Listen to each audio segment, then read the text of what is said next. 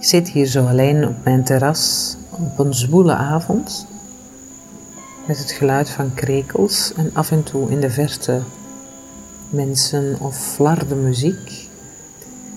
En ik dacht, ik ga verhaaltjes voorlezen. Ik ga gewoon verhaaltjes voorlezen, want dat heb ik altijd graag gedaan.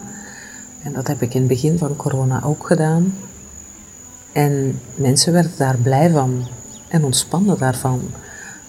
Want in ieder van ons zit het kind nog steeds. En de meeste van ons werden graag voorgelezen. Dus dacht ik, ik ga weer verhaaltjes voorlezen. En dat ga ik bij deze doen.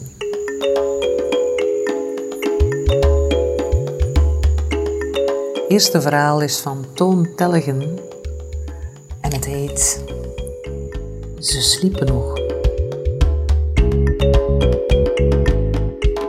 De olifant stak zijn slurf in de lucht, klapperde met zijn oren en riep zo hard als hij kon: Ik kan niet slapen. Alle dieren schrokken wakker en vlogen overeind. Sommige dieren riepen: Oh nee, nee, riep de olifant terug. Hij ging liggen en sliep meteen in. Maar de andere dieren zaten nog rechtop in bed, keken bedrukt de duisternis in en vroegen zich af waar ze waren.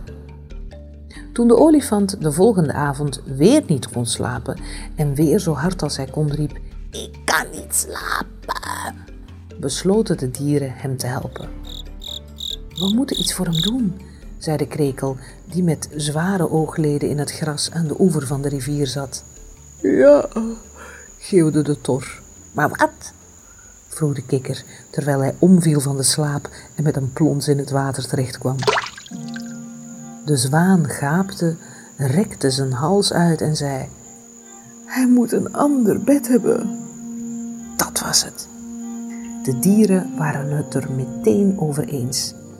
Met z'n allen begonnen ze een bed te bouwen dat zo zacht was en zo warm dat iedereen die erop ging liggen meteen in slaap viel. Het werd ook een heel licht bed.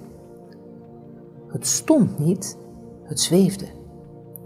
Als je er zachtjes tegenaan zou blazen, zou het wegzweven. Waar zou het dan heen zweven? vroeg de schildpad. Dat is van later zorg, zei de krekel. Oh, zei de schildpad. Hij kuchte even en vroeg verder niks.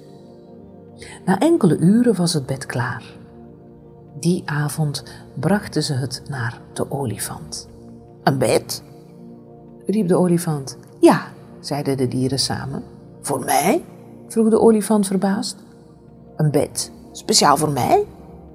Voor jou, zeiden de dieren. De olifant bedankte hen uitvoerig, stapte in het bed en viel onmiddellijk in slaap. De tor keek even over de rand om te zien hoe de olifant lag, viel voorover en sliep ook onmiddellijk in.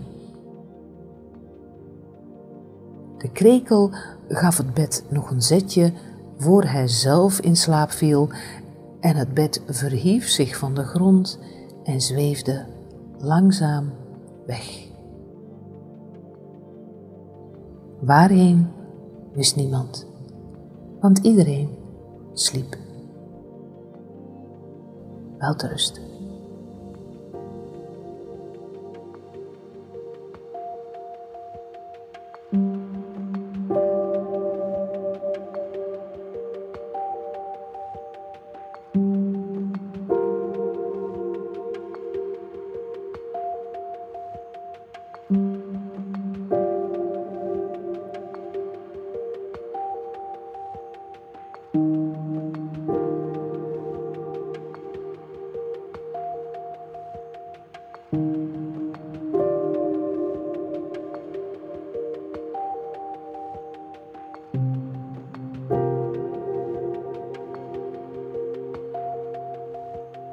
you